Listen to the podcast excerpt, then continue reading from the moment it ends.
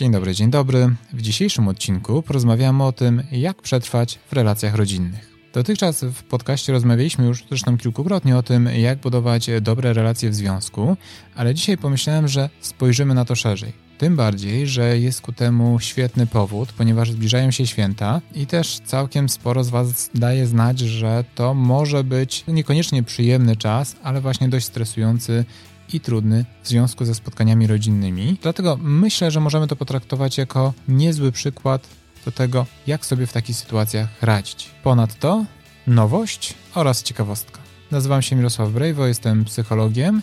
Więcej o mnie dowiecie się na stronie brejwo.pl, a to jest 51 odcinek podcastu Psychologia, którą warto znać.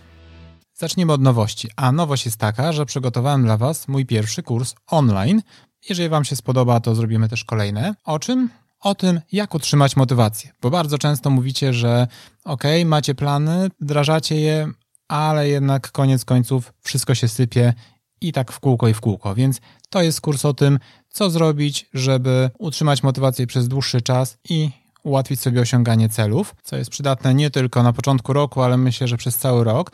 Będzie tam pięć modułów, każdy moduł to będzie wideo, tak, tak, nie tylko głos, ale będzie też wideo, ale ponadto do pobrania materiały z kluczowymi informacjami, a przede wszystkim z ćwiczeniami, które pozwolą Wam lepiej sobie wszystko zaplanować.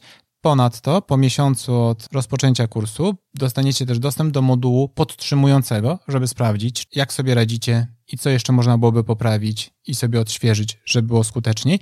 I co również myślę, że bardzo, bardzo cenne, to to, że, że specjalnie dla uczestników kursu 20 stycznia zrobię webinar, podczas którego odpowiem na wszystkie Wasze pytania dotyczące kursu. Porozmawiamy o tym, jakie pojawiają się trudności, wyzwania, co moglibyśmy z nimi zrobić, żeby było skuteczniej. Oczywiście, jeżeli nie będziecie mogli tego dnia obejrzeć tego webinaru, to nie ma problemu, bo każdy uczestnik może wysłać do mnie pytanie na adres e-mail. Ja w webinarze na to odpowiem, a do tego webinaru i tak będziecie mieli później dostęp w swojej platformie kursowej. Kurs będzie dostępny od 5 stycznia 2023 roku, ale już teraz możecie go zamawiać w ramach przedsprzedaży i myślę, że jest to o tyle ciekawe, że cena przedsprzedażowa jest e, bardzo atrakcyjna. Ponadto jest też opcja, żeby zamówić go na prezent i wówczas voucher przekazuje się po prostu osobie obdarowanej. Staram się, żeby to był jak najlepszy kurs, ale po to, żebyście mogli czuć się komfortowo i żebyście mieli pewność, że jest to w zgodzie z waszymi potrzebami, możecie spokojnie w ciągu 7 dni od uzyskania dostępu do kursu, jeżeli stwierdzicie, że wam nie odpowiada, z niego zrezygnować i dostaniecie zwrot pieniędzy,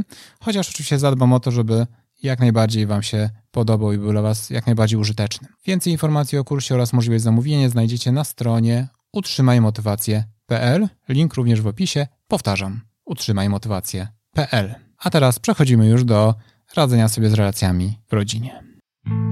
Rozdział pierwszy. Dlaczego mają negatywny wpływ?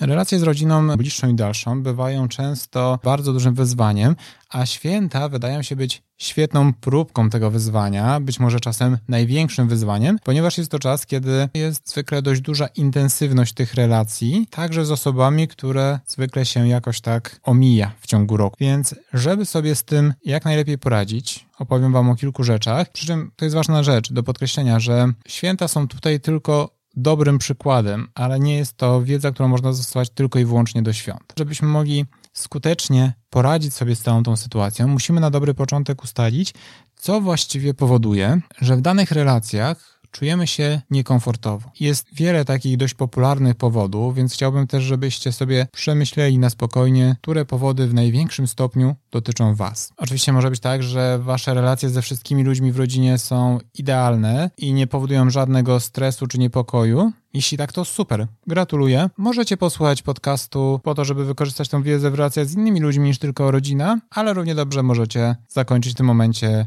jego słuchanie, bo prawdopodobnie nie potrzebujecie tego, o czym będę Wam zaraz opowiadał. Ok, jak podejrzewam, większość z Was nadal tu jest. W takim razie zastanówmy się, co w największym stopniu powoduje stres w relacjach. I wydaje się, że takim jednym z bardzo istotnych punktów to jest narażanie się na krytykę. Tak, zastanówcie się, jak często wasze spotkania z bliskimi stają się momentem, w którym jesteście krytykowani za wasze różnego rodzaju decyzje, zarówno takie większe, jak chociażby związane z karierą zawodową, z relacjami z innymi ludźmi, albo też takie zupełnie drobne typu ubiór, to w jaki sposób przygotowaliście jakąś potrawę. Z krytyki dość blisko do kolejnego punktu, jakim są nietaktowne, a może po prostu wredne pytania, które są bardzo częste, czyli jeżeli ktoś jest sam, to a kiedy w końcu ktoś tam będzie, albo dotyczące jakichś planów życiowych, albo jakichś zmian. Często jest w nich sporo troski i zainteresowania, ale jednak powodują one dyskomfort. Krytyka, wredne pytania, a stąd też niedaleko do porównywania. I to jest rzecz, która niekoniecznie musi być związana tylko z osobami z zewnątrz, ponieważ bardzo często to my sami sobie tę presję narzucamy, po prostu porównując się do innych osób. No i czasem jest tak, że ok, wychodzimy na największe gwiazdy w rodzinie i fajnie, ale bywa tak, że porównujemy się z ludźmi i okazuje się, że może nie całościowo, ale w niektórych dziedzinach ktoś tam lepiej sobie radzi. No i to też może być źródło pewnego stresu. Co jeszcze stanowi częste problemy w relacjach społecznych? Szeroko rozumiane poczucie wstydu, to znaczy szeroka właściwie dwojako. To znaczy po pierwsze, to, że mamy jakieś niezałatwione sprawy, być może popełniliśmy jakieś błędy, co do których się nigdy nie rozliczyliśmy, i to powoduje, że tak trochę unikamy osób określonych, ponieważ jest tam po prostu głupio, ale z drugiej strony to, że obawiamy się, że będzie nam wstyd na przykład za członków rodziny, wobec dalszej rodziny, czy po prostu naszych gości, czy, czy ludzi, który, z którymi jesteśmy w związku. I ten wstyd bardzo często pojawia się szczególnie w rodzinach, w których pojawia się alkohol, albo też różne bardzo silne, emocjonalne reakcje, chociażby związane z kwestiami politycznymi, które mogą prowadzić do różnych kłótni i innych nieprzewidywalnych zachowań, które teoretycznie nawet nie muszą być bardzo ważne, ale mogą skutecznie popsuć atmosferę. Co jeszcze jest częstym problemem, jeżeli chodzi o wspólne spotkania? Niby nie jest tak wielki problem, ale bardzo zniechęcający, a mianowicie brak wspólnych tematów i idące za tym nuda, czyli to, że ok, trzeba pójść, spotkać się z ludźmi, ale poza pytaniem, co słychać, czy wszystko ok, nie ma tak naprawdę wspólnych zainteresowań, wspólnych tematów, ani też wielkiego zainteresowania historiami innych osób. Odnośnie zainteresowania historiami innych osób i budowania relacji, mam tutaj dla Was ciekawostkę. Ciekawostka. W badaniu przeprowadzonym przez Internations w 2022 roku Polska zajęła 37 miejsce w kategorii łatwość znajdowania przyjaciół. Dodam, że przez obcokrajowców. W badaniu uwzględniono 52 kraje. Rok wcześniej Polska zajęła 41 miejsce. Na miejscu pierwszym w tym rankingu znalazł się Meksyk, dalej Indonezja i Filipiny. Najwyżej sklasyfikowanym europejskim krajem była Hiszpania, która zajęła dziewiąte miejsce, a na ostatnim miejscu znalazł się Kuwait. Wow, ale ciekawostka.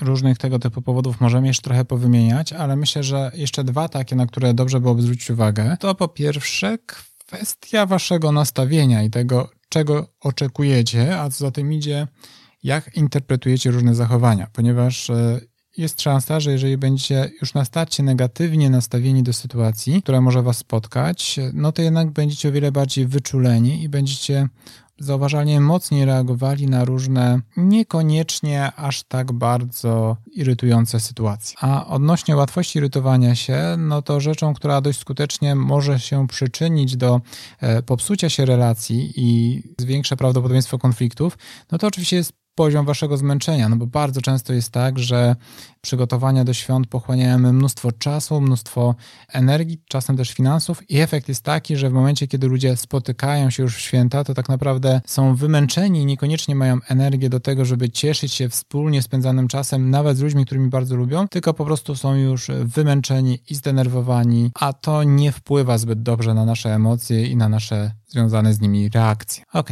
więc co moglibyśmy z tym wszystkim zrobić. Rozdział drugi. Co zrobić?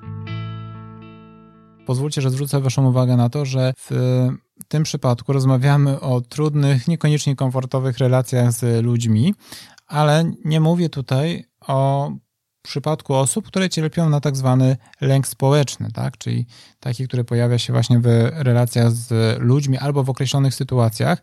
Oczywiście lęk społeczny może się objawiać w takich relacjach rodzinnych i część tych rzeczy, o których rozmawiamy, też Wam się przyda, e, nawet jeżeli na taki lęk cierpicie. Natomiast jest to nieco inna sytuacja, która wymaga podjęcia odpowiednich działań psychologicznych, terapeutycznych, czasem wsparcia farmakoterapeutycznego. To co robimy? Otóż po pierwsze, oczywiście sposób działania będzie zależał od tego, co ustaliliście w pierwszej części naszego podcastu, a mianowicie kto jest dla Was źródłem nerwów i z jakiego powodu czujecie się niekomfortowo. Może być tak, że sytuacja jest dla Was e, do takiego stopnia niekomfortowa, że najprostszym sposobem byłoby zrezygnowanie z kontaktu z ludźmi określonymi, tak? Nie, że ze wszystkimi. Bo czasem, nawet jeżeli jest to trochę niezgodne, powiedzmy, tradycją czy z oczekiwaniami innych osób, to bywa tak, że dla waszego dobrostanu najlepszą opcją będzie zrezygnowanie z określonych relacji. Jednak oczywiście nie zawsze tak jest, bo czasem może nas to spotkanie kosztować trochę, ale i tak warto jest jednak dla utrzymania pewnych relacji poświęcić ten czas, poświęcić odrobinę tych emocji, albo też ze względu na drugą osobę, tak? Bo może być tak, że coś na przykład dla ludzi w związku, dla jednej osoby jest komfortowo, a dla drugiej nie. No i wtedy może warto jest y, jednak to za, zaakceptować pewien dyskomfort dla dobra drugiej osoby. Z drugiej strony, oczywiście, jeżeli wtedy rezygnacja nie wchodzi w grę, no to zawsze jest opcja zastanowienia się, jaki optymalny czas spędzony z określonymi ludźmi będzie najlepszy. To znaczy, może być tak, że do pewnego momentu, zwykle, korzystając z Waszych wcześniejszych doświadczeń, jest miło, albo dajecie sobie świetnie radę, a później już robi się ciężko. Więc może nie chodzi o to, żeby zrezygnować z całego spotkania, tylko wyjść w odpowiednim momencie, albo też dbać o to, żeby robić sobie regularne przerwy. To znaczy, jeżeli czujemy, że emocje w nas e, zaczynają narastać, to może dobrze jest, nie wiem, wstać od stołu, wyjść chociażby do łazienki, krótki spacer, jeżeli to nie będzie podejrzane, wyjść na taras, cokolwiek, co pozwoli Wam pobyć chwilę samemu, trochę się odizolować, ochłonąć i tym samym zyskać jeszcze trochę energii do dalszego działania. Właśnie, mówimy tutaj o różnych wariantach i to jest też istotna rzecz, że z jednej strony, tak jak wspominaliśmy, bardzo ważne jest to, żebyście nie nastawiali się negatywnie, bo samo to nastawienie może spowodować już u Was pewne napięcie. Można nawet spróbować podejść do tego, do tej całej sytuacji z innej strony. To znaczy, czasem jest tak, że jeżeli odczuwamy jakiś dyskomfort, no to zaczynamy zastanawiać się, dlaczego nie lubimy danych ludzi, co nas z nich irytuje. A może warto byłoby spojrzeć na to z drugiej strony i pomyśleć sobie, ok, czy w tych ludziach jest coś, co lubię? Coś, co powoduje, że spędzanie z nimi czasu jest całkiem komfortowe. Jeśli okaże się, że totalnie nic, no, to faktycznie pojawia się pytanie, czy spędzanie tego czasu jest nadal dobrym pomysłem wspólnie, ale zakładam, że jednak znajdziecie jakieś powody do spędzania wspólnego czasu. Nie nastawiacie się zbyt negatywnie, no ale tak jak już tutaj rozmawiamy, jednak dobrze mieć jakiś plan awaryjny na wypadek, gdyby coś się posypało i te relacje nie wyglądały zbyt dobrze, albo trudno było Wam panować nad swoimi emocjami. I odnośnie emocji, no właśnie, zastanówcie się, czego potrzebujecie do tego, żeby czuć się komfortowo i zadbajcie o to, tak? Czasem to może oznaczać tyle, że przed spotkaniem nie będziecie musieli się tak śpieszyć, dacie sobie trochę więcej przestrzeni. Albo może to oznaczać, że po prostu skupicie się na tym, żeby rozmawiać bardziej z osobą, którą lubicie, a trochę mniej z taką, której nie lubicie poświęcać uwagi. Bardzo ważne w tym wszystkim jest też stawianie granic, czyli to, co utożsamia się zwykle z tak zwaną asertywnością. Czyli chodzi o to, żeby pamiętać, że nawet jeżeli przez to ktoś miałby się obrazić, to nie jest tak, że musicie się godzić na wszystko, co ludzie wam narzucają. Okej, okay, czasem warto dla spokoju, dla relacji machnąć ręką, przyznać komuś rację i niekoniecznie w sytuacji obiadowo-kolacyjnej, gdzie rozmawiacie z kimś, kogo widujecie raz na 10 miesięcy i ten ktoś was przekonuje do swojej racji na temat jakiejś kwestii, nie wiem, politycznej, filmowej czy jakiejkolwiek innej, to czasem jest to sytuacja, w której łatwiej jest machnąć ręką i nie przekonywać tej osoby, bo to tylko nasili konflikt, a tak naprawdę czy to jest takie dla Was ważne? Podejrzewam, że w większości przypadków nie. Z drugiej zaś strony pamiętajcie, że no nie musicie się godzić na robienie rzeczy, które Wam nie odpowiadają. I tutaj takim częstym aspektem jest chociażby picie alkoholu, które ludziom nie odpowiada, ale głupio odmówić. A co jeszcze? Chociażby akceptowanie różnych złośliwych pytań, krytyki, czy chociażby jakichś kiepskich, obraźliwych żartów. Jeżeli ktoś opowiada żart, to nie oznacza, że trzeba się z niego śmiać, tak? Jeżeli czujecie, że on was w jakiś sposób obraża albo wasze wartości. Jeżeli jesteście krytykowani albo ktoś wam zadaje niekomfortowe dla was pytania, no to po pierwsze, w takiej sytuacji czasem, jeżeli chodzi o te pytania, warto pójść tak zwaną metodą zdartej płyty, czyli odpowiedzieć, że nie mam zamiaru odpowiadać na to pytanie, albo pracuję nad tym, albo zobaczymy w przyszłości, co się okaże. Odpowiadając na krytykę, starajcie się nie atakować drugiej strony, bo to tylko nasili konflikt, czyli przede wszystkim zwróćcie uwagę na swoje emocje. Jedno to jest powiedzieć, nie zadawaj głupich pytań, spójrz na siebie i tak dalej, co może nasilić konflikt, bo powoduje, że druga osoba zaczyna się bronić, a co innego powiedzieć, że czuję się niekomfortowo, pytano o takie kwestie, albo jest mi przykro, jak krytykujesz mój sposób działania. I tyle. To jest komunikat, z którym trudno jakoś szczególnie polemizować, więc warto skupiać się nie na atakowaniu drugiej strony, tylko na wyrażeniu tego, co wy czujecie w związku z daną sytuacją i tego, jaką macie potrzebę. Jednak są jeszcze dwie kluczowe kwestie, o których e, chciałbym wam, wam opowiedzieć. Pierwsza to to, żeby starać się jednak zaakceptować rzeczywistość i wyciągać wnioski z wcześniejszych wydarzeń. To znaczy, jeżeli we wcześniejszych latach cały czas czujecie się niedoceniani, krytykowani i wiecie, że na przykład jakieś takie chociażby świąteczne spotkanie kończy się jedną wielką kłótnią o kwestie polityczne czy cokolwiek, to może lepiej jest przyjąć, że i tak będzie tym razem, zamiast e, budować sobie nie mające zbyt dużych podstaw oczekiwania, że od 10 lat jest zawsze tak samo, ale w tym roku będzie inaczej. To może spowodować jedynie tyle, że się zawiedziecie i rozdźwięk między waszymi wyobrażeniami a pojawiającą się sytuacją spowoduje, że wasze emocje staną się jeszcze silniejsze i wasz zawód albo złość będzie jeszcze większa. Zwróćcie uwagę na to, żeby starać się dopasować oczekiwania w oparciu o wcześniejsze doświadczenia.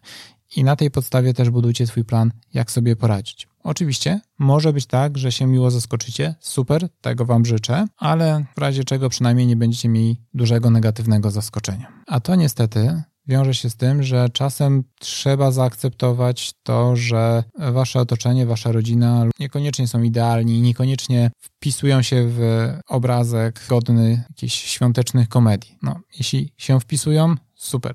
Raz jeszcze gratuluję i oby tak dalej. Ale jeżeli nie, to niestety czasem warto to zaakceptować i zastanowić się, jak działać pomimo tego. A druga ważna rzecz, na którą chciałem jeszcze tutaj zwrócić uwagę z tych kluczowych, to to, że czasem taka sytuacja, nawet jeżeli uznacie, że biorąc pod uwagę wszystkie za i przeciw, warto pójść, spędzić trochę czasu, ale mimo wszystko to może być dla Was bardzo emocjonalnie wyczerpujące. I tak jak nikogo nie dziwi to, że ktoś, kto, nie wiem, przebiegnie maraton, potem potrzebuje ileś dni na to, żeby się zregenerować i chociażby normalnie chodzić, to z emocjami bywa podobnie. Jeżeli czeka Was takie emocjonalne wyzwanie, to może zadbajcie o to, żeby po tym wyzwaniu mieć jakiś przyjemny, spokojny czas, który pozwoli Wam się zregenerować, wypocząć, być może porozmawiać z kimś, kogo lubicie, kto jest dla Was wsparciem. Nawet jeżeli dane doświadczenie miało być przyjemne, to żeby dać sobie przestrzeń do takiej skutecznej regeneracji.